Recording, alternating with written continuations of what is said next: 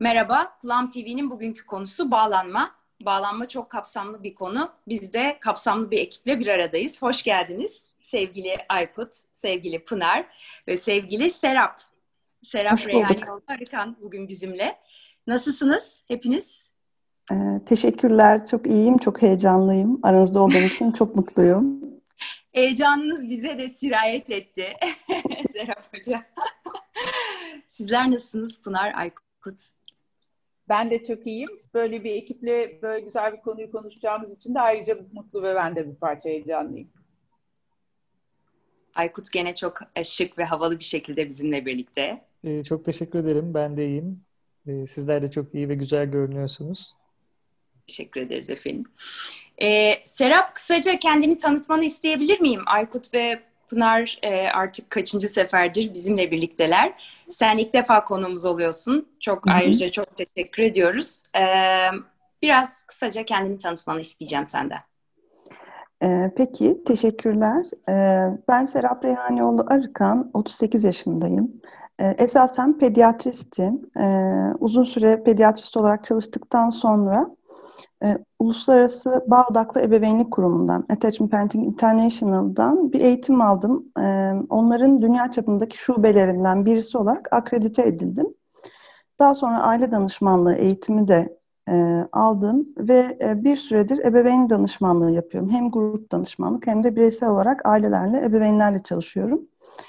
E, genel olarak e, dikkatimi verdiğim alan e, ebeveynlik tutumları, çocukların e, bağlanma güvenliğini arttırıcı yaklaşımlar konusunda ebeveynleri bilgilendirmek, aile içi iletişim, bir de disiplin, aile içindeki disiplinin e, nazik, şefkatli ve pozitif e, bir etkileşimle çocuklara aktarılması ve bağlanma tabii ki hepsinin e, temelinde e, bağlanma odaklı bir yaklaşımla ilişkilere rehberlik etmek diye özetleyebilirim.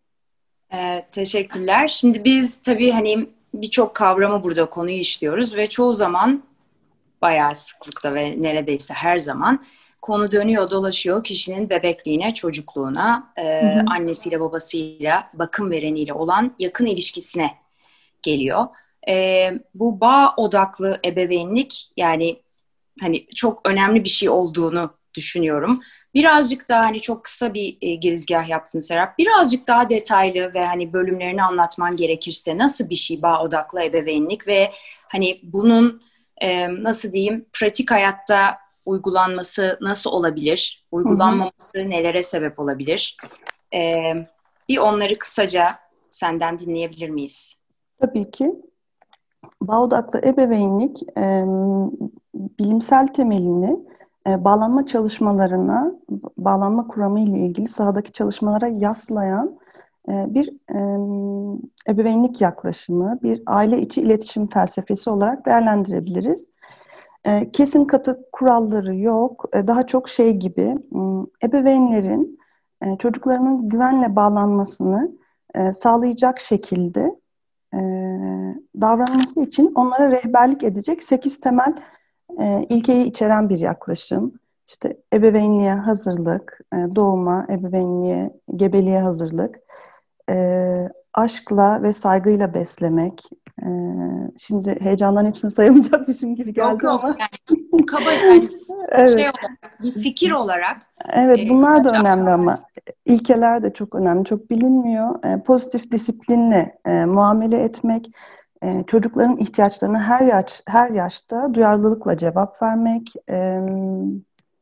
aile içinde dengeyi sağlamak, ihtiyaç dengesini sağlamak gibi ilkelerden oluşuyor. Dünya çapında bir sürü lideri var e, Bağdaklı Ebeveynlik Uluslararası Kuruluşu'nun ve birçok uzman tarafından danışma kurulunda bağlanma araştırmacıları var. Dünyanın her yerinde e, bu kuruluşun e, şubeleri benim gibi e, insanlar e, bu yaklaşımı anlatıyorlar. Ebeveynleri bilinçlendirmeye çalışıyorlar. Ben de çağrıldığım her yerde gönüllü olarak anlatmaya çalışıyorum. E, gücüm yettiğince hem özel hayatımdan hem iş hayatımdan e, ücretsiz ebeveyn destek e, çemberleri düzenliyorum. E, böyle bir e, kabaca temelinde dünyada şiddetsizliğe doğru bir evrilme için çabalayan bir kuruluş. Çünkü e, şiddetin aile içinde duyulmamış ihtiyaçlardan doğduğuna dair bir e, felsefenin temelinde yükseliyor. E, sanırım ya çok geniş bir konu ama böyle özetleyebilirim diye tahmin ettim. Çok teşekkürler. Pınar ve Aykut sizin bu noktada söylemek istediğiniz veya eklemek istediğiniz bir şey var mı? Sevgili seyircilerimize ufak bir not olarak biz hani programın başında Serap Hoca ile başlayıp sonra Pınar ve Aykut'la yani çocukluktan, bebeklikten yetişkinliğe doğru gittikçe hani işin psikolojik kısmını da Pınar ve Aykut'la konuşuruz diye kararlaştırdık. Ancak tabii ki bu bir söyleşi. O yüzden hani lütfen eklemek istediğiniz, hani söylemek istediğiniz veya sormak istediğiniz bir şey varsa hani bu noktada bir size sormak istedim. Bence çok çok önemli bir inisiyatif, e, çok e, çok kıymetli bir iş e, görülüyor diye düşünüyorum ben. Çünkü demin girişte söylediğin şeyle de bağlantılı olarak özüm her şey gidiyor en sonunda çocukluğa, anneye, ilk ilişkiye dayanıyor e, ya da işte bakım verene. Ben bu akşam e, bu anne tırnak içinde anne, anne ya da ilk bakıcı anlamında kullanıyorum. Onun için hani öyle evet, e, algılanmasını rica ediyorum. E, dolayısıyla e, ve hakikaten e, pek çok psikopatolojinin de ve şiddetin de e, aile içinde ne kadar e, öğrenildiğine, ne kadar aktarıldığına dair, tanıklığının bile ne kadar bozucu, uzun süreli etkileri olduğuna dair e, her gün e, bir sürü araştırmalar ekleniyor, görüyoruz, okuyoruz. Dolayısıyla e, çok kıymetli buluyorum e, bu işi. E, ve Serap Hoca'nın da çok layıkıyla yaptığını e, görüyorum, izliyorum. E, onun için yani bu akşam burada olmak daha da hoş şimdi. Çok teşekkürler. Aykut'cum senin? Ee, yani aslında Serap Hanım'ın söyleyeceklerine ekleyecek bir şeyim yok ama ben de e, e, benzer düşünüyorum. Özellikle bu kuruluşun varlığı, e, bu kuruluşta yer alan işte gönüllü ebeveynler e, ya da bu işte bu yer alan ebeveynleri liderlik eden, diyelim ebeveynleri takip eden diğer ebeveynler e, çok ciddi bir e, emek var. E, hatta daha önce de Serap Hanım'la da aslında bir parça böyle e, tanışmamız da o vesileyle olmuştu bir grup e, işte sosyal medyada da bir biçimde örgütlenen daha yakın bir geçmişte de e, bu bağ e, odaklı ebeveynlik seviyesinde bir konuşmam da olmuştu. Hı hı. Gerçekten hani oraya katılan ebeveynler de onlara bakıldığında ciddi anlamda da umut veriyor çocukların hani ruh sağlığıyla ilgili olarak geleceğe dair. Hani böyle bir oluşumun varlığını bilmek gerçekten umut verici. Ben de bunu söyleyeyim ama zamanla hani sohbette ilerledikçe aklıma takılan sorular olursa Serap Hanım'a soracağım. E, ya da burada hep beraber tartışırız üzerinde. Sağ olun. Şimdi belki çok baş bir noktadayız ama ben sizi dinlerken aklıma bir soru geldi.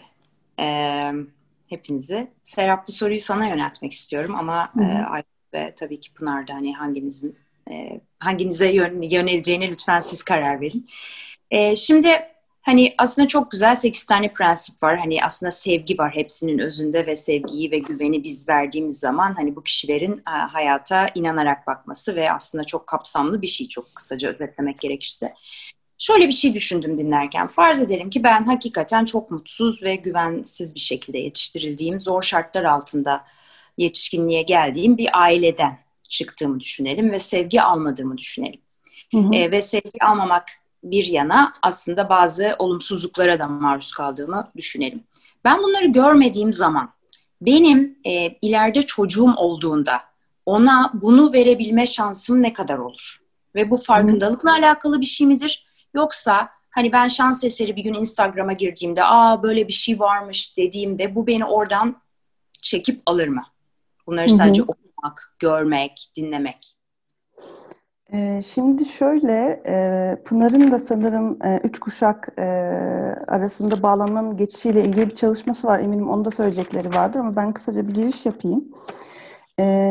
Şimdi öncelikle normalde tüm dünyada yapılan, farklı ülkelerde yapılan çalışmalarda hatta onu bulmaya çalıştım notlarımda ama 20 çalışmalık bir review var. Yani binlerce kişinin farklı farklı çalışmalarda değerlendirildiği bir e, çatı e, inceleme çalışmasında şu bulunuyor. E, Van bu şey soyadını okumak da çok zor. Eisendorn diye bir çalışmacı değerlendirmiş ve diyor ki o çalışmacı tüm e, ebeveynlerin dörtte üçü kendi bağlanma stillerini çocuklarına geçirir.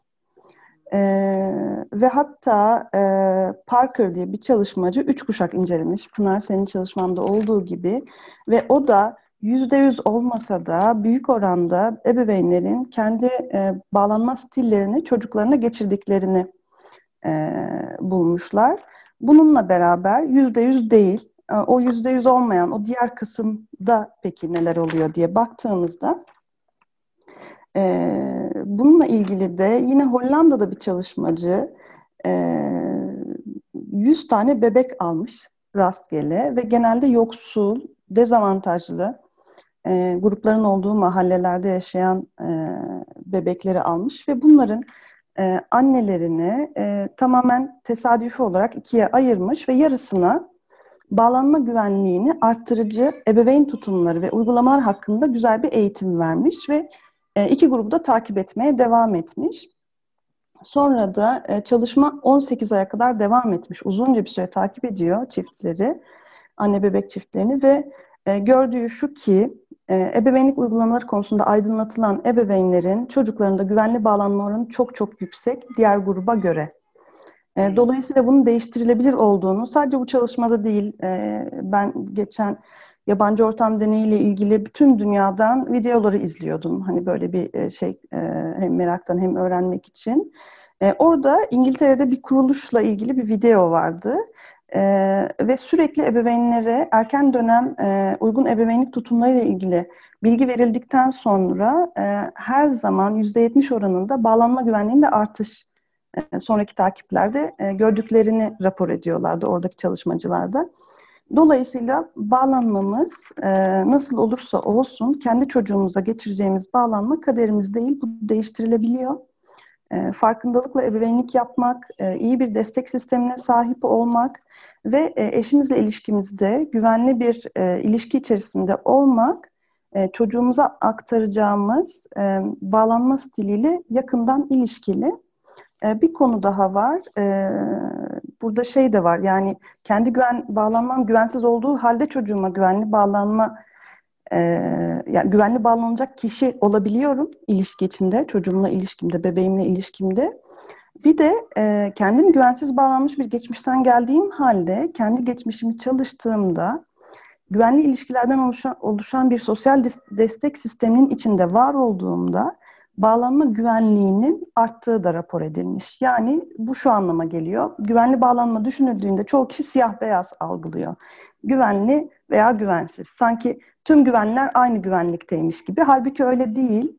Bu böyle bir spektrum. Ee, bazı iki tane güvenli bağlanmış e, bebeği alsak ikisinin bağlanma güvenliği, ilişkinin derinliği farklı çıkacaktır. E, dolayısıyla bütün güvensiz, bütün kaçınganlar aynı düzeyde değil gibi. Böyle bir spektrum, siyah beyaz düşünmemek lazım. Güvensiz bağlanmışsam bile güvenli ilişkiler içinde daha e, ilişki güvenliğinin daha derinliğini hissetme şansım var. E, dolayısıyla her zaman umut var diye ım, özetleyebilirim sanırım. Ee, şimdi şeyi düşündüm. Ee, sizin postlarınızı okurken senin e, Serap e, bu hani annenin bebeğe nasıl bakması gerektiği böyle çok içten şeyler yazıyorsun. Mesela diyorsun ki çok yorgun olabilirsiniz ama hani bebeğinizin içine bakın. Keza Aykut'ta olan e, sohbetinizi dinlerken Winnicott'u ve e, Melanie Klein'di galiba değil mi? Hani onun da isminin geçtiği hı hı. bu teorinin üzerinden geçtiniz bu ayna teorisini hani anlatırken ondan çok etkilendim ben aslında. Belki biraz üstünden geçmenizi de isteyebilirim. Ee, orada hani bebeğin anneye baktığında kendini görmesi ve ilk değerini oradan alması gibi bir şeydi sanırım. Bir aslında onu anlatmanızı rica edeceğim. Serap, Aykut hanginiz e, uygun görürseniz. Aykut evet. sen mi anlatmak Aykut istersin? Aykut Bey başlasın. Ben sonra ekleyeyim birkaç. Ben, ben de size bırakacaktım sözü. Nasıl isterseniz. Ee, evet. Aslında şöyle bir giriş yapayım Serap Hanım. Sonra siz devam edin ee, o zaman. Ee, şimdi ayna e, teorisi deyince ya da işte ayna evresi deyince aslında akla ilk Lacan geliyor. Lacan'ın teorisi geliyor. Fakat Lacan'ın yani e, bizim o sohbetteki ele aldığımız e, meseleyle Lacan'ın bakışı biraz daha farklı. Çünkü bir ayna teorisi de Lacan'ın dışında Winnicott'un var. Ee, senin de söylediğin gibi özüm aslında çok yalın. Şöyle bir varsayıma e, yaslanır bu teori. Bebek annesinin yüzüne baktığında ne görür? Ee, ve bu sorunun cevabı Winnicott'a göre kendisini görür. Şimdi bu, bu bir yanılsama değil aslında. Yani bu anne ve bebeğin henüz işte birbirinden fiziksel olarak ayrışamadığına da, e, dair bir yanılsama değil. Aslında bebek annesinin yüzüne baktığında mesela gözdeki parıltı deriz çok önemlidir. Annenin gözündeki o ışıltı. Oradan yola çıkarak kendisinin ne olduğunu, neye benzediğini, e, nasıl bir e, anlam oluşturduğunu o, o bakış aracılığıyla yani annesinin yüzündeki ifade aracılığıyla e, anlamış olur. Yani Winnicott'un aynadan, e, ayna teorisinden kastettiği şey e, aşağı yukarı böyle.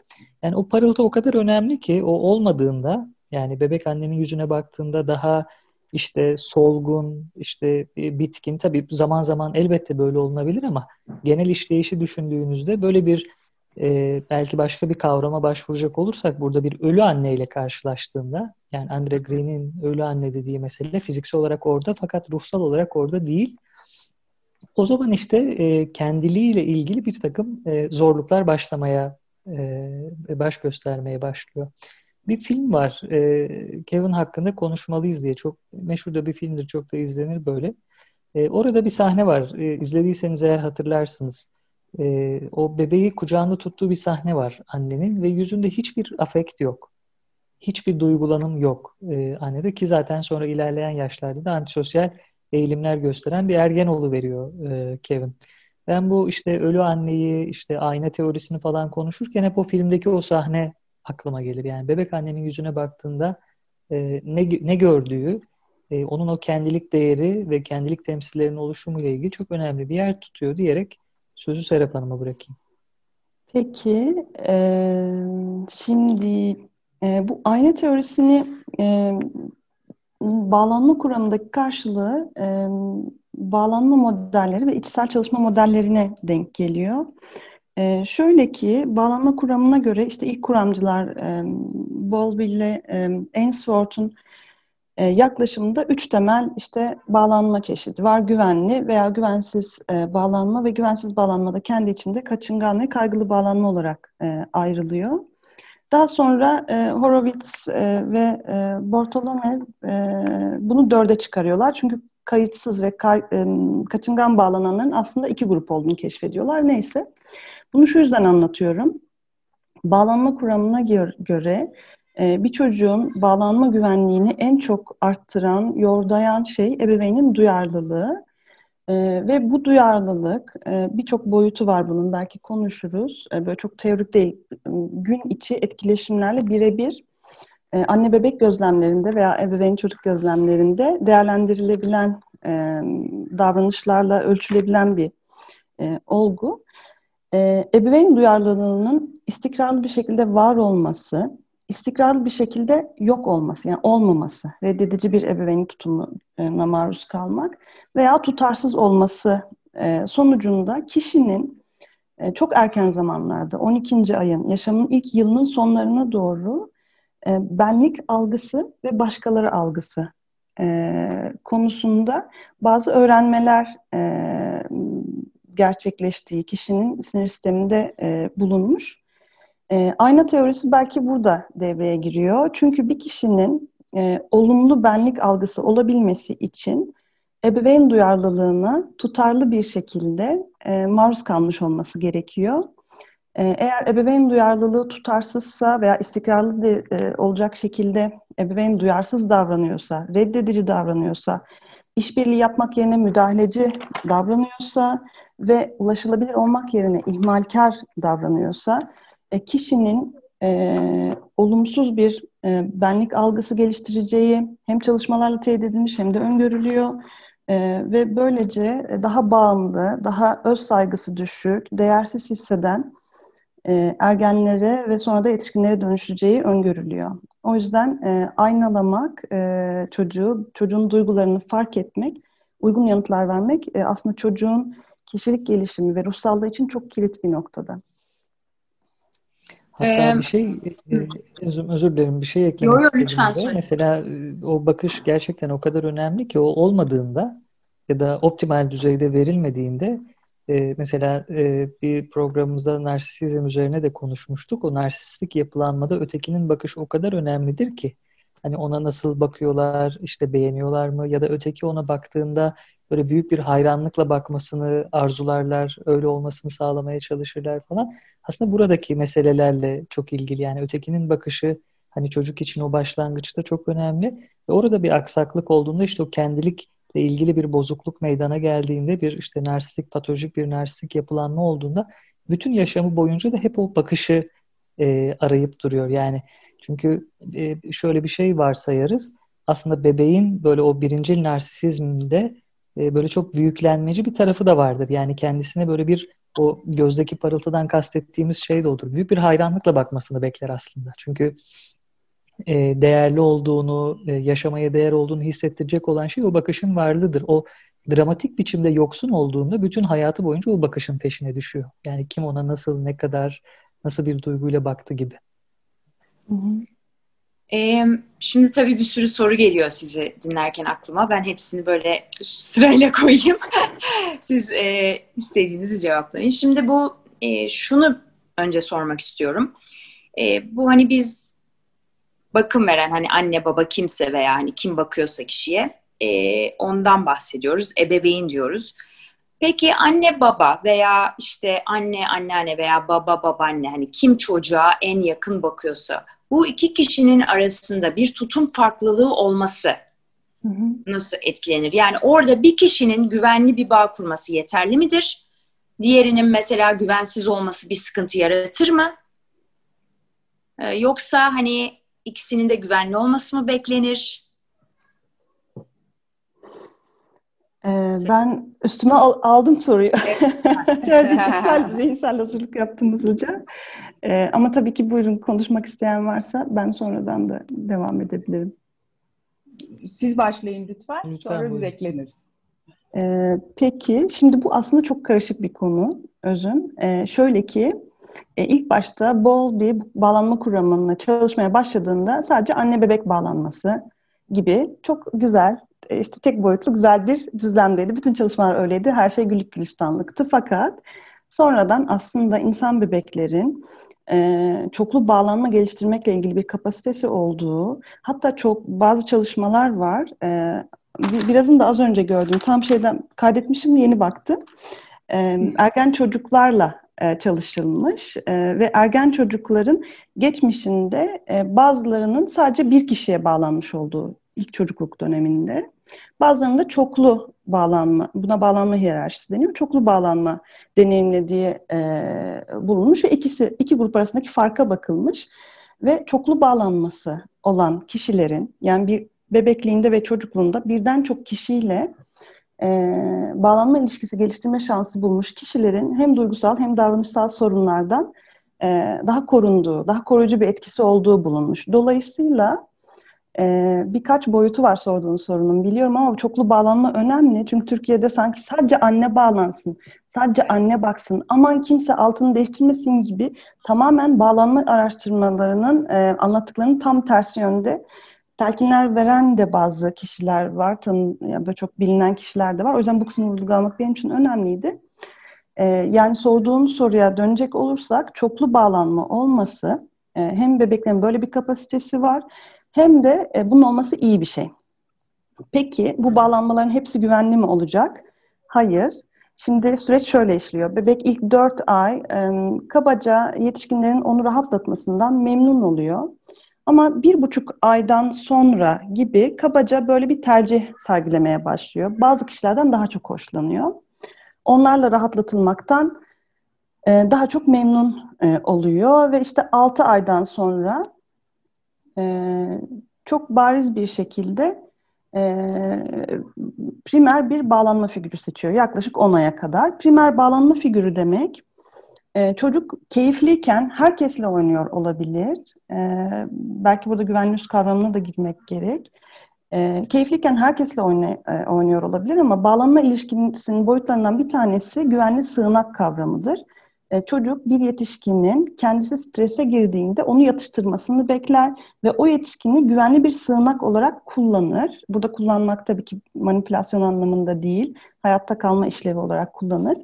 Ve e, çocuğun e, 6 ayla yaklaşık 10 ay arasında e, strese girdiğinde en çok kimi tercih ettiğine bakarak kabaca primer bağlanma figürünün kim olduğunu anlayabiliriz. Bu kişi primer bağlanma figürü. Ve bu kişi, burada da önemli bir yanlış anlaşılmayı belki düzeltmek lazım. Çocukla en çok zaman geçiren kişi değil. Çocuğa duygusal olarak en çok e, cevap veren kişi.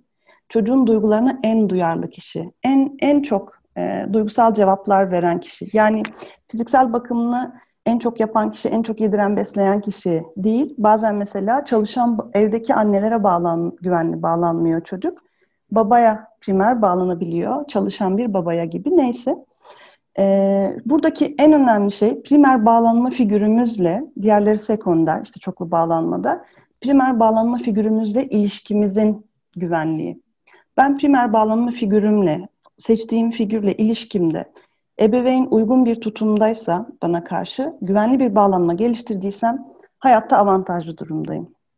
Çünkü bu bağlanma yaklaşık birinci yılın sonuna doğru az önce de biraz bahsettim.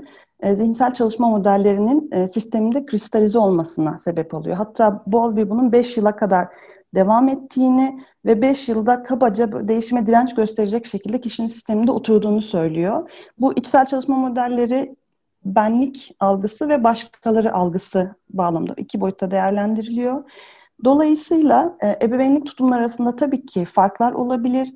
Ama e, ebeveynlerin ayrı ayrı da olsa iki tarafında duyarlı bakım vermeye gönüllü olması, çocuktan hoşlanması, çocuğu reddetmek yerine kabul etmek eğiliminde olması ve çocuğu ihmal etmek yerine ulaşılabilir olmakla ilgili gönüllü olması. Tabii ki bunların hiçbirisi yüzde yüz değil. Ebeveynler endişelenmesin. Her an her an ulaşılabilir mi olmak zorundayım gibi. Yeni doğan bir bebek için evet mümkünse her an güvenilir bir yetişkinin ulaşılabilir olması çok önemli. Ancak artık iki yaşına gelmiş bir çocuk için ulaşılabilir olmak, mutfaktan geliyorum yavrum diye seslenmek de ulaşılır ol- olabilmeye dahil. Bu kısımları söylemek lazım ebeveyni endişelendirmemek için. Dolayısıyla ebeveyn, ebeveynler arasında veya bakım verenler arasındaki tutum farklılıkları bağlanma güvenliğini bozmadıkça çok sorun değil. Ee, çocuğun güvenle bağlandığı ne kadar çok kişi varsa o kadar iyi. Mesela şey de çalışılmış, biraz belki bu da bununla ilgili.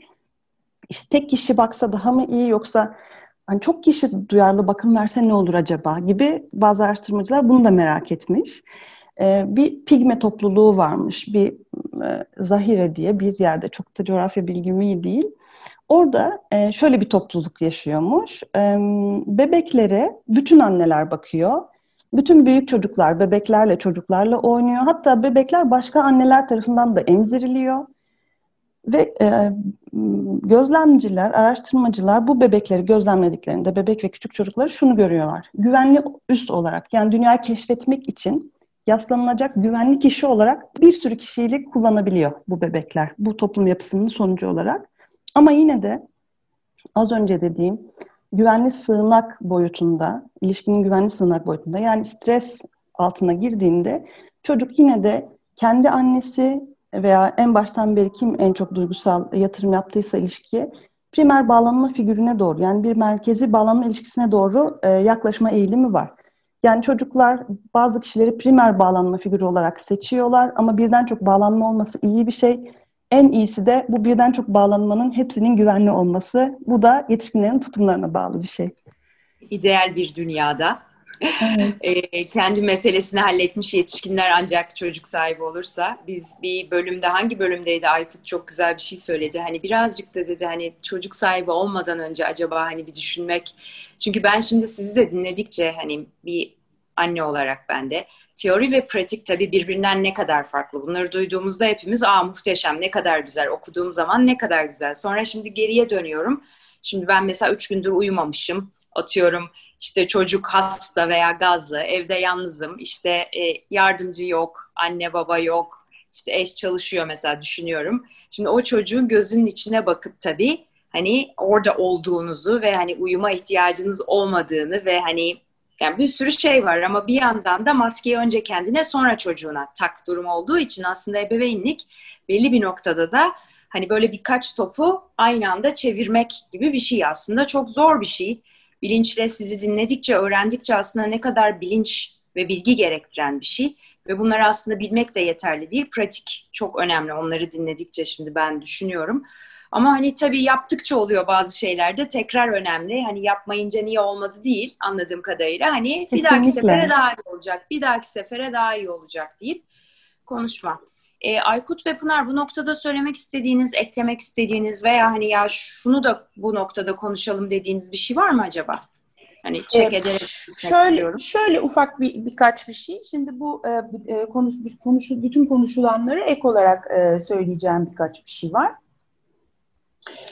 E, Bowlby diyor ki bağlanma duygusal bir bağı ifade eder. Duygusal bir bağ ve insan yavrusu için hayatta kalmak için çok e, lüzumlu. Başka türlü insan yavrusu hayatta kalamıyor. Bebek e, dünyaya geldiğinde bunu kolaylaştıracak bir takım davranışları e, aslında e, barındırıyor. Buna bağlanma davranışları diyor. Ve e, Serap'ın demin değindiği gibi bağlanma figürüne e, bunları e, yani bir adet bağlanma figürü olduğundan bahsediyor Bowlby başlangıçta. Bunun önemine değiniyor ve e, orada güvenli dediğimiz şey de yani böyle e, işte neyin güvenliği o? O tutarlılığın güvenliliği. Yani o bağlanma ilişkisinde esas bebeğin baktığı şey şu. E, ben ağladığımda ihtiyacım duyuluyor mu ve tutarlı bir şekilde karşılanıyor mu? E, burada sadece geldim ben falan gibi bir şey söz konusu değil. Bunun niteliği ve sürekliliği çok çok önemli. Yani e, bir yakınlık arayışı var hayatta kalmak için ve sakin kendini sakinleştirmeyi bilemiyor insan e, canlısının yavrusu. Kendisini sakinleştirmeyi bilemediği, duygusunu düzenleyemediği, dürtüsünü kontrol edemediği için ve zaten bebeklikte bunların hiçbiriyle ilgili bir e, bir donanım olmadığı için bunu sadece ve sadece o bağlanma figürünün yardımıyla yapabiliyor. 5 e, yıl dedi Serap, doğrudur. Ben 2-3 yıl diye bir yerde okuduğumu hatırlıyorum. 2-3 e, yıl arasında bağlanmanın oluştuğu söyleniyor. Bağlanmanın artık bir tane figürü olmadığını, yani mesela ergenlikte bağlanma aktarıldığını, arkadaşlara aktarıldığını biliyoruz gibi. Ee, burada e, bu şeyi de belki bu anlamda ya günlük hayatta ne oluyor? Biz burada güzel güzel bağlanma şudur budur diye konuşuyoruz ama belki işte şunu da değinmek lazım diye düşünüyorum. İnsanlar, anne babalar, özellikle anneler e, çok genel e, ya da belki benim gördüğüm popülasyonda panikliyorlar e, anne oldukları zaman e, ve pek ne yapacaklarını da bilemiyorlar. Bir sürü de bilgiler gelince bir taraflardan onları öyle yapmaya çalışıyorlar ama aslında şunu kaçırıyorlar. İşin kalitesinin e, ne kadar önemli olduğunu kaçırıyorlar. Yani ben çok e, anneler bilirim ki kendini sıka sıka o çocukla ne yaptığının bile farkında olmadan benim onunla şu anda vakit geçirmem lazım diye aslında çocuğa da kendisine de ne kadar e, yaradığını bilmediğimiz e, bir takım böyle görev gibi e, annelik yapma e, sanki böyle anneliği perform eder gibi bir e, pozisyonda kalabiliyorlar. Çok güzel bir değinmiş kuramcı işte e, diyor ki her ikisinin de doyum ve eğlence içinde olacakları bir ilişkidir. Yani burada böyle bağlandım ben, şimdi çok da güvenliyim ben falan, öbürünü de güvenli tuttum herhalde. Böyle değil yani bundan daha içsel bir şeye ihtiyacımız var ve Çocuk burada iki eksende bir şey öğreniyor. Yani o e, demin e, e, herkesin e, konuştuğu gibi e, benlik ve başkaları ile ilgili iki önemli şeyi öğreniyor. Değerli ben, güvenilir o. Güvenilir öteki. Bağlanma figürü çocuk için e, önemli diğeri haline geliyor. Önemli diğeri yetişkinlikte bizim için kim? İşte eş partner. Dolayısıyla o bağlanma ilişkisinin evet aktarıldığını biliyoruz ama onlar konuşuldu zaten. Bu kader değil. Şimdi şöyle bir şey var. Bağlanma stili değişebiliyor gerçekten. Ee, bunlarla ilgili bir sürü şeyler yapılıyor ama bağlanmanın kendisinin şöyle bir zorluğu var. Bağlanma araştırması yapmak çok zor bir şey. Çok meşakkatli bir şey. Çünkü uzunlamasını araştırmak yapılması gerekiyor. Ve o uzunlamasına araştırmalar yaparken de e, etik gereği, bilimsel etik gereği de çocukların bir kısmında da güvensiz davranalım da bakalım ne olacak diyemezsiniz. Dolayısıyla e, yani bunlar böyle hep e, işte çok güzel şeyler, çok güzel sonuçlar çıkıyor ama hepsi spekülasyona da açık haldeler. Ama bizim bildiğimiz yani bütün araştırmalardan süzdüğümüzde bildiğimiz şeyler işte deminden beri paylaşılan şeyler. Ee, bir parça içsel çalışan modellerle ilgili bir şey söylemek istiyorum. Onların değişebilir olduğuna e, dair bir e, şöyle bir, e, bir şey var elimizde. İçsel çalışan modeller bu benlik ve başkalarına göre şemalar dediğimiz bilişsel bir takım e, kalıplar, hayatı anlama, yorumlama, e, yaşamada e, bir takım bilişsel e, örüntüler e, oluşuyor bizde diye düşünebiliriz. Bu içsel çalışan modellerin kararlı, değişime dirençli olduğunu biliyoruz. Çünkü neden? Eğer ben değerli değilim, ben değersizim diye büyüdüysem ben güvenli olmayan bir bağlanma stiliyle bağlandıysam ben kendi bakım bedenime e, daha sonra ben değerli değilim diye düşündüğüm için zaten bunu e, bildiğim için bir, bir diğerine bana değer vermiyor ben sevilesi bir şey değilim beni de sevmiyor diye düşündüğümden o başkalarına tabii ki daha mesafeli daha soğuk daha ne diyelim işte böyle çok da sevilesi davranmayarak aslında kendi ben değersizliğime ve sevilir bir şey biri olmadığıma dair inancımı e, kanıtlamış oluyorum, sabitlemiş oluyorum. Dolayısıyla içsel çalışan modeller öyle bir oluşuyorlar ki kendilerini doğrular nitelikte devam ediyorlar. Evet. E, fakat içsel çalışan modellerle ilgili de şöyle bir güzellik var elimizde. E, hiçbir şey kader değil noktasında şöyle bir hoşluk var. Şimdi bunlar bilişsel modeller oldukları için bilişsel modellerin hepsi işlevsel ve adaptif e, olma noktasında kararlılıkla esneklik arasında bir yerde duruyorlar. Dolayısıyla eğer onun işlevselliği düşerse, yani bizim sahip olduğumuz örüntünün e, işlevselliği düşerse, bir işe yaramadığını veya uyumsuz olduğunu, adaptif olmadığını, mal adaptif kaldığını görürsek eğer ve bununla ilgili uygun bir e, çevrenin içinde de ama e, profesyonel yardım ama uygun bir arkadaş ortamı neyse ne olur isek eğer o içsel çalışan modeller de de değişimler olabiliyor. Ee, şimdi seni dinlerken başta şeyi düşündüm. Aykut'la Serap'ın sohbetinde bir söz var. O benim çok hoşuma gitti. O ona benzer bir şey söyledi. Yani özeti gibi ikinizin söylediği yani sizlerin benziyor. Ebeveynlik deneyimi bilmeye ait bir şey değil. Sevgilerimizi, sezgilerimizi kapatıp kapatmamamızla ilgili bir sohbetlerinde bir e, cümle ve bir konuşma vardı. Yanlış bir şey çok söylüyorsam lütfen beni düzeltin Aykut ve Serap. ve sen de çok e, benzer bir şey söyledin. Hatta şeyi düşündüm seni dinlerken Pınar. Bu e, ben hani bu köylüler kendimden örnek vermeyeyim. Hani köylüler, kızılderililer hani aslında bir e, geleneği takip eden insanlar aslında bazı şeyleri daha doğaya uygun bir şekilde uygularlar. Hani bebeği yakın taşırlar, atıyorum işte kendilerine göre bazı ritüelleri vardır, gelenek, örf ve adet dediğimiz şeyler. Ancak e, dediğimiz gibi tabii inanılmaz bir çağda yaşıyoruz. Her yerden şöyle bir şeylerin e, etkisindeyiz ve o etkinin altındayken hani bazen e, bir de bir trend var, bir popüler kültür var e, ve onların etkisindeyken her yerden bir tarı, her taraftan bir yere çekiştirilirken bazen o durup ya ben içim ne diyor acaba, ben bu çocuğa ne yapmak istiyorumu bazen tabii e, hani bence karıştırabiliyoruz, e, kafamız da karışıyor. Mesela şeyi düşünüyorum aslında kaliteli vakit geçirmek deyince geçen gün bir yerde okudum galiba ki hep inandığım bir şeydir. Ya bir oturup bir dinle yani şu çocuğu 10 dakika ne diyor, nasıl gerçekten? Yetişkinler için de geçerli değil mi? Yani nasılsın dememeye başladık birbirimize. Yani nasılsın evladım? Bugün günün nasıl geçti? Hani sürekli bir şey yapmak değil de o çocukla veya bir yerden bir yere gitmek, sürekli bir aktivite yapmak değil de ya oturup ne yapıyorsun, nasılsın, ne yapmak istersin? Hakikaten çocuklar çok sade şeylerden keyif alabiliyorlar çünkü yani onları kendi hallerine bıraktığınızda yani ille böyle bir geziye gitmek veya bilmem nereye gitmek değil, işte dans etmek, işte bilmem ne yapmak, işte mesela e, gelip hadi sohbet edelim demek. Yani aslında çocukların mekanizması bence çok yaratıcı ve çok sezgisel oldukları için çok da yol gösterici diye düşünüyorum ama.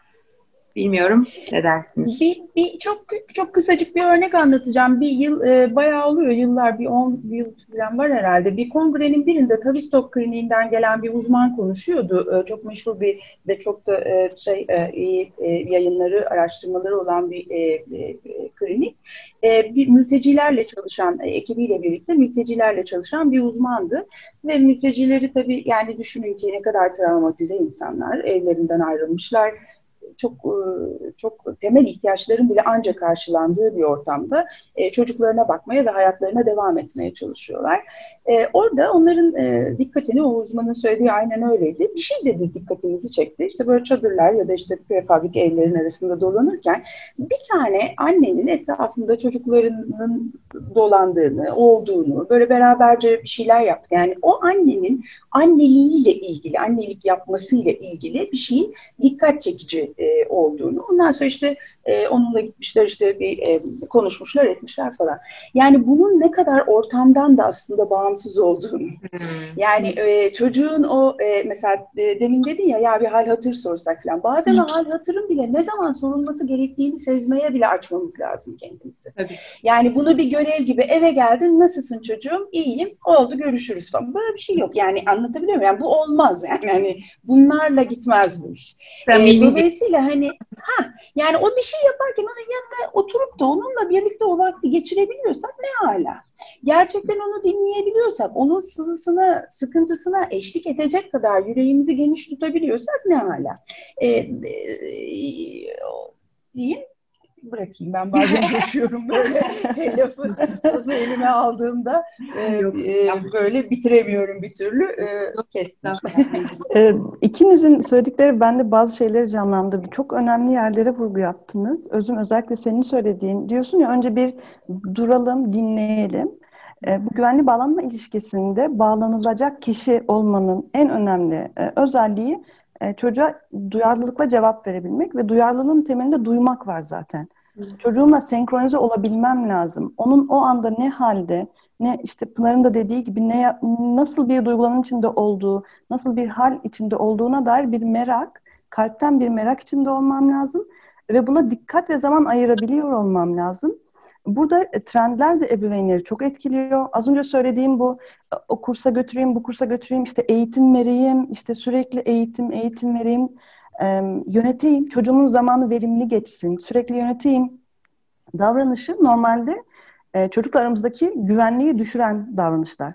Çünkü normalde e, ben eğer çocuğumu aşırı kontrol edersem, aşırı yönetirsem, ilişkide çok baskın davranırsam ve bütün aramızdaki etkileşimler e, yetişkin yapılandırması üzerine, yani yetişkinin yönettiği bir e, sistemde gerçekleşirse ilişkinin güvenliği azalıyor. Senin o dediğin beraber durmak, çocuğun isteği neymiş, onunla beraber akabilmek, senkronize olabilmek zaten kaç yaşında olursa olsun ilişkimizdeki derinliği arttıracak bir yaklaşım. Yani evet bunları duymak mesela bana çok iyi geliyor. Özgürleştiriyor ve sadeleştiriyor. Çünkü hakikaten çok fazla şey geliyor ve hani e, birazcık böyle sadeleşmek, biraz hani daha ne bileyim daha e, mutlu olmak için veya bir ilişkiyi samimiyetle yaşamak için aslında bu kadar çok şeye gerek yok hakikaten. Yani iki insan olarak bir orada oturup yani şöyle bir oturup gözümüzün içine bakmak yani bu hakikaten kaçmaya başladı. O yüzden bunları duyuyor olmak çok güzel. E, Aykut üç tane hanımın yanında sana söz söylemek istediğim bir şey var mı Aykut'cum? Ben her 10 dakikada bir sana soracağım. e, estağfurullah. Ben çok keyifle dinliyorum sizi. Başka başka pencereler de açılıyor zihnimde. E, şunu düşünüyorum. E, biz Serap Hanım'la yaptığımız o yayında da konuşmuştuk. Aslında fazla bilgi ilişkinin derinliğini biraz köreltiyor gibi. E, hatta bu işte bağlanma çok önemli bir mevzu. Bir sürü çalışma yapılıyor. Günümüzde de hala e, belki de en önemli ruh sağlığına ilişkin en önemli kavramlardan bir tanesi. Fakat güvenli olmayan ellerde ya da dillerde bir, bir tür bir e, kötüye kullanım e, malzemesi olabiliyor bu. E, şöyle söylüyorlar anne adaylarına işte eğer normal doğum yapmazsanız çocuğunuz size bağlanamaz. Bağlanmaz. Evet. Birçok kadın e, bir takım obstetrik sıkıntıları olmasına rağmen yani doktoru söylüyor, bas bas bağırıyor. Riskli yani doğal doğum yapman riskli fakat ona rağmen çocuğu kendisine bağlanamayacak diye ısrarla doğal doğum yapmak isteyen anneler olabiliyor. Ya da e, çocuk doğar doğmaz eğer sizin göğsünüze konmadıysa, işte memenizi emmediyse e, mümkün değil bir daha o çocuk size güvenli bağlanamaz gibi. Biraz da egzajer ederek söylüyorum fakat buna yakın söylemler var. Ciddi anlamda terörize ediyor e, ebeveynleri, bilhassa da anneleri. E, dolayısıyla şöyle geziyorlar uzmanları. Yani çocuğum bana güvenli bağlandı mı, bağlanmadı mı gibi e, geziyorlar. Sanki ölçülebilecekmiş bir şey gibi. Böyle hani e, şeyden, pediatri deneyimimizden e, Serap Hanım hani böyle bebeklerin işte boyu, kilosu vesaire böyle takip edilir. Sanki bu da öyle e, ölçülebilecek bir şeymiş gibi. Oysa böyle değil. Ben e, doğrusunu isterseniz bilmenin bazen o ebeveynin doğal reflekslerini körelttiğini e, düşünüyorum. Bu ölçülebilir e, bir şey değil. E, dolayısıyla biraz ebeveynin de ebeveynlik yaparken kendini bırakabilmesi ve hatta bazen de biz uzmanların da e, bazen susabilmesi gerekiyor e, diye düşünüyorum onların ilişkisinde. Winnicott'un çok sevdiğim bir lafı var. Yani bir anne bebeğini e, arzuyla emzirmek istiyorsa ona bebeğini nasıl emzireceğini anlatmak ya da bebeğini emzirmesi gerektiğini söylemek çok lüzumsuzdur diyor. Belki böyle yerlerde bizim de nerede susup, nerede konuşacağımız, onları nerede destekleyip, nerede sahnede kendi başlarına bırakacağımızı iyi kalibre etmemiz gerekir diye düşünüyorum. Bunu tabii ki sizin gibi çok değerli uzmanların söylüyor olması çok çok çok önemli. Hani eğer uzmanlar bu kadar bilgi hani sizi mahvediyor diyorsa bence bu çok kıymetli. Ee, çok hani teşekkür ediyorum. Ee, bu kadar içten ve samimi olduğunuz için. Çok ee, kısa benim bir katkı yapabilir miyim? Özür diliyorum. Lütfen. Aykut Yok, Bey. Lütfen. Ee, burada e, yanlış anlaşılan bir şey var. Ee, Aykut Bey'in söylediği bahsettiği uzmanlar tarafından yanlış anlaşılan bir şey sanırım veya tam derinliğine anlaşılmayan bir şey. Bağlanma öyle mekanik bir e, uygulamalar silsilesi değil. Yani işte emzirmedin, bağlanamadın. Normal doğurmadın, bağlanamadın. İşte ondan sonra ten tene temas yapamadın, bağlanamadın. Hiç, hiç ilgisi yok. Yani emzirmeyle ilgisi yok, işte doğum şekliyle ilgisi yok. Sadece çocuğun mizacı nasıl olursa olsun yapabildiğin kadar çocuğunun ihtiyaçlarını karşılayabilmek, senkronize olabilmek, yapabildiğin kadar ulaşılabilir olmak ve çocuğundan hoşlanmakla ilgili bir şey. Bu da çok önemli. Yani görev gibi yapmakla çocuğundan hoşlanmak arasında çok fark var. Ee, bunu da çok eklemek istedim çok kısa olarak.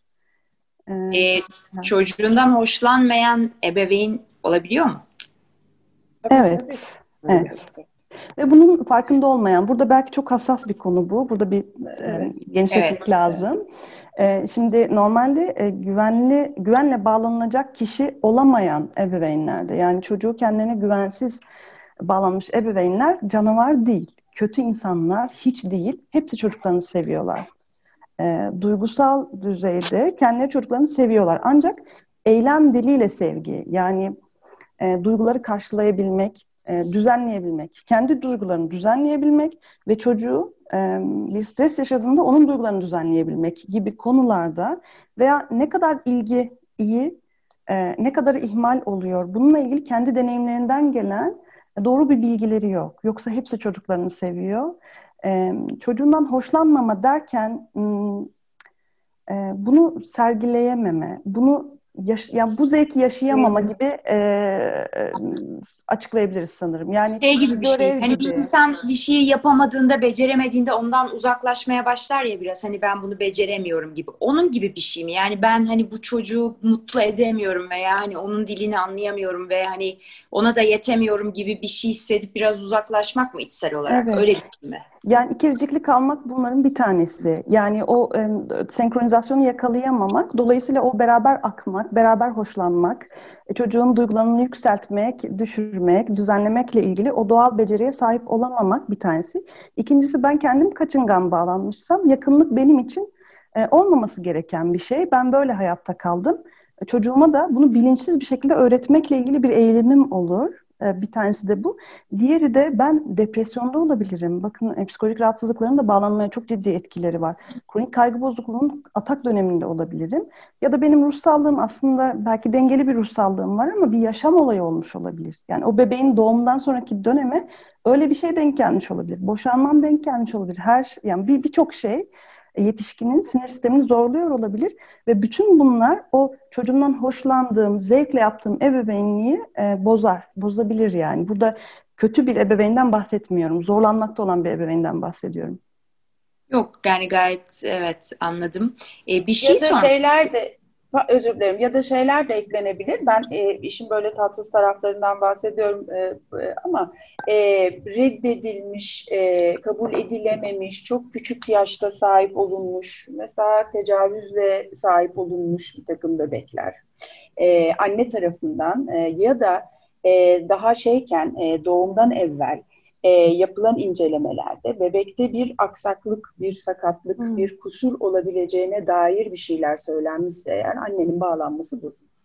Hmm. E, doğan bebeği kabul etmesi bozulur. E, bunlar da gayet önemli etkiler yaratır.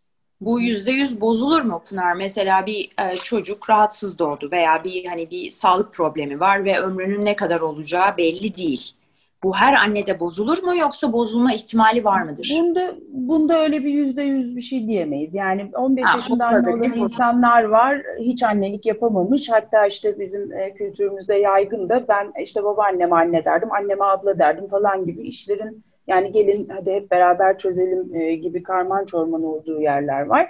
Ama 15 yaşında anne olan insanlar var. İşte ben de test çalışmamdan biliyorum.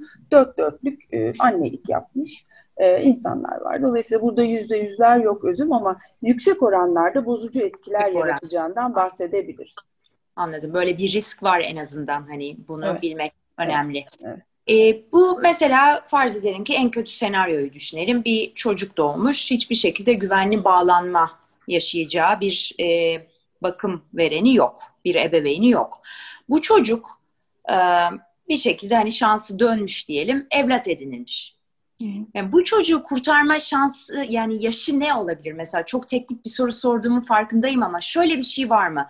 Ya bu çocuğa atıyorum 11 yaşına kadar bir el verilmezse daha sonra bunun telafisi daha zordur. Veya 9 yaşına veya 5 yaşına. Hani biraz önce 3-5 sene gibi şeyler konuştunuz Bowlby'nin teorisinden ama e, böyle bir yaş var mı veya ergenliğe geçmeden? Hani kurt, ne zaman kurtarabiliriz biz bir çocuğu? Öyle bir şey var mı? Ee, Veya mesela ben, yetişkin olur bir gün. Hı hı. Ee, yaş vermek mümkün değil tahmin edeceğin gibi ama e, şöyle yani bağlanmayı, bağlanmanın güvenli oluşunu e, etkileyen boyutlardan birisi çocuğun mizacı. E, diğeri de çocuğun maruz kaldığı çevre. E, bu çevre e, maruz kaldığı ilişkilerdeki tutumlar ve ilişki olup olmaması gibi e, değer, yani öyle özetlenebilir, değerlendirilebilir. E, şimdi e, bu e, evlat edinilmiş çocuk e, e, bu kurumda kaldığı müddetçe e, nasıl bir bakım gördü ki bir çalışmada rastladım çok e, ilginç geldi. E, bakım kurumlarında büyümüş ve güvenle bağlanmış çocuklar var. Çok az ama var. Dolayısıyla evet. çok az bakımla da güvenli bağlanabilmiş çocuklar var. Burada mizacın etkisi yatsınamaz. E, ama bir de mesela çok duyarlı ebeveynlerle e, ve ev bakımında olan ama çok zor mizaçlı çocuklar var. Kolayca e, duygu durumu bozulan, çok zor yatıştırılan çocuklar mesela duyarlı bakımla bile güvenli bağlanmanın gelişmesi zaman alıyor. Dolayısıyla çocuğun mizacı burada çok etkili. Çocuğun deneyimleri çok etkili. Az önce Pınar'ın söylediği çok önemli. Bir çocuğun anne karnındayken bile istenmemiş olması, reddedilmiş olması e, onun e, dünyaya bakışını e, etkileyen bir parametre olabilir. Bir yaş vermemiz mümkün değil ama her zaman düzeltici etki mi mümkün. Yani yeni e, evlat edinen ebeveynlerin bunun çok zor olduğunu, zor derken zorlanacaklarını e, ama hı hı. E, düzeltme şanslarının her zaman olduğunu e, bilmeleri gerekir. E, mizacı biraz anlatabilir misin Serap? Mizaç nedir ve hani mizacın etkisi dediğimizde neden bahsediyoruz aslında? Yani, hı hı. yani iyi mizaç, kötü mizaç mı? Güzel mizaç, çirkin mizaç mı? Yani nedir mizaç? Şöyle, yani birçok bir kuramcıya göre farklı sınıflandırmaları var ama şimdi böyle ben çok bilimsel bilgiye boğmak istemiyorum. Ee, yani belki şimdiye kadar bile çok jargonla konuşmuş olabilirim. Kabaca e, ikiye ayırsak mesela kolay mizaç ve zor mizaç diye. Ee, zor mizaç e, kabaca kim, kimlere diyor ebeveynler? Zor mizaçlı e, çocuklar kimler? E, çok uzun ağlayanlar, yatıştırılmayı reddetme eğiliminde olan bebekler, e, yatıştırılmayı kabul etse bile uzun süre yatıştırılamayan bebekler, e, çok kolayca duygu durumu olumsuz duygulara doğru e, evrilen e, ve zor memnun edilen. Bunlar mizaç özellikleri ve bu mizaç özellikleri e, genetik altyapıyla ilgili ve şeyle de ilgili. E, ilk dünyayı ilk deneyimlememiz ilk bir yıl boyunca daha böyle duyusal sistemimiz üzerinden. Çünkü e, bilişsel işlemlemeyi gerçekleştirecek o e, e, beynimizin ileri fonksiyon gören el, e, bölümleri henüz gelişmemiş durumda. Dolayısıyla son yıllarda özellikle çok popülerleşen biliyorsunuz duyusal sistemin motifi, modeli yani duysal profil deniyor. Yani benim dünyayı algıladığım alıcılarım ve onları işlemleyen duyu sistemi, sinir sistemindeki nasıl çalışıyor? Ee, bu çok önemli çünkü neden? Birçok çocuk var ki, benim çocuğum da onlardan birisi, dünya onlara fazla geliyor. Işık fazla geliyor, ses fazla geliyor, yer çekimini hissediyorlar gibi çok ayrıntılandırılabilir. Dolayısıyla çok hassas çocuklar bunlar. Hassas çocuklar zor mizaçlı çocuklar olarak değerlendirilmeye daha yatkınlar. E, mizaç bu şekilde çok önemli. Yani zor mizaç ve kolay mizaçça sahip olmak çok kabaca. Bir de şu da çok önemli. E, ebeveynler tamam belirli tutumlar sergiliyorlar ama bu tutumları nasıl algılayacağı da çocuğun mizaçla ilgili bir şey. Yani dedim ya bakım evinde büyüyen çocuk bile güvenli bağlanabiliyor. Çok duyarlı ebeveynle büyüyen çocukların bazıları bile hani güvensize doğru gidebiliyor ebeveynler vazgeçerse ve hani e, yatıştırmakla ilgili. Çünkü sürekli saatlerce ağlayan bir çocuğunuz olduğunda çok özgüven hissetmiyorsunuz ebeveyn olarak. Özgüven hissetmediğinizde yani ebeveyn olarak doyurulmadığında bu istekleriniz büyük bir hayal kırıklığı yaşıyorsunuz. Devam etme motivasyonunuz, o yakıtınız çok azalıyor.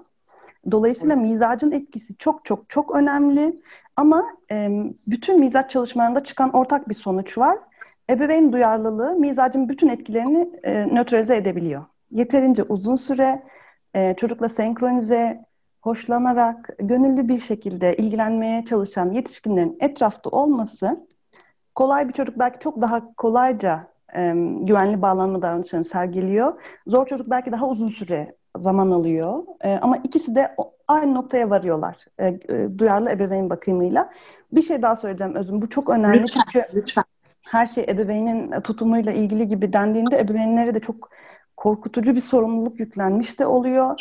Ebeveyn duyarlılığını döven yani ondan daha da önemli olan bir etki daha var. Toplumsal destek.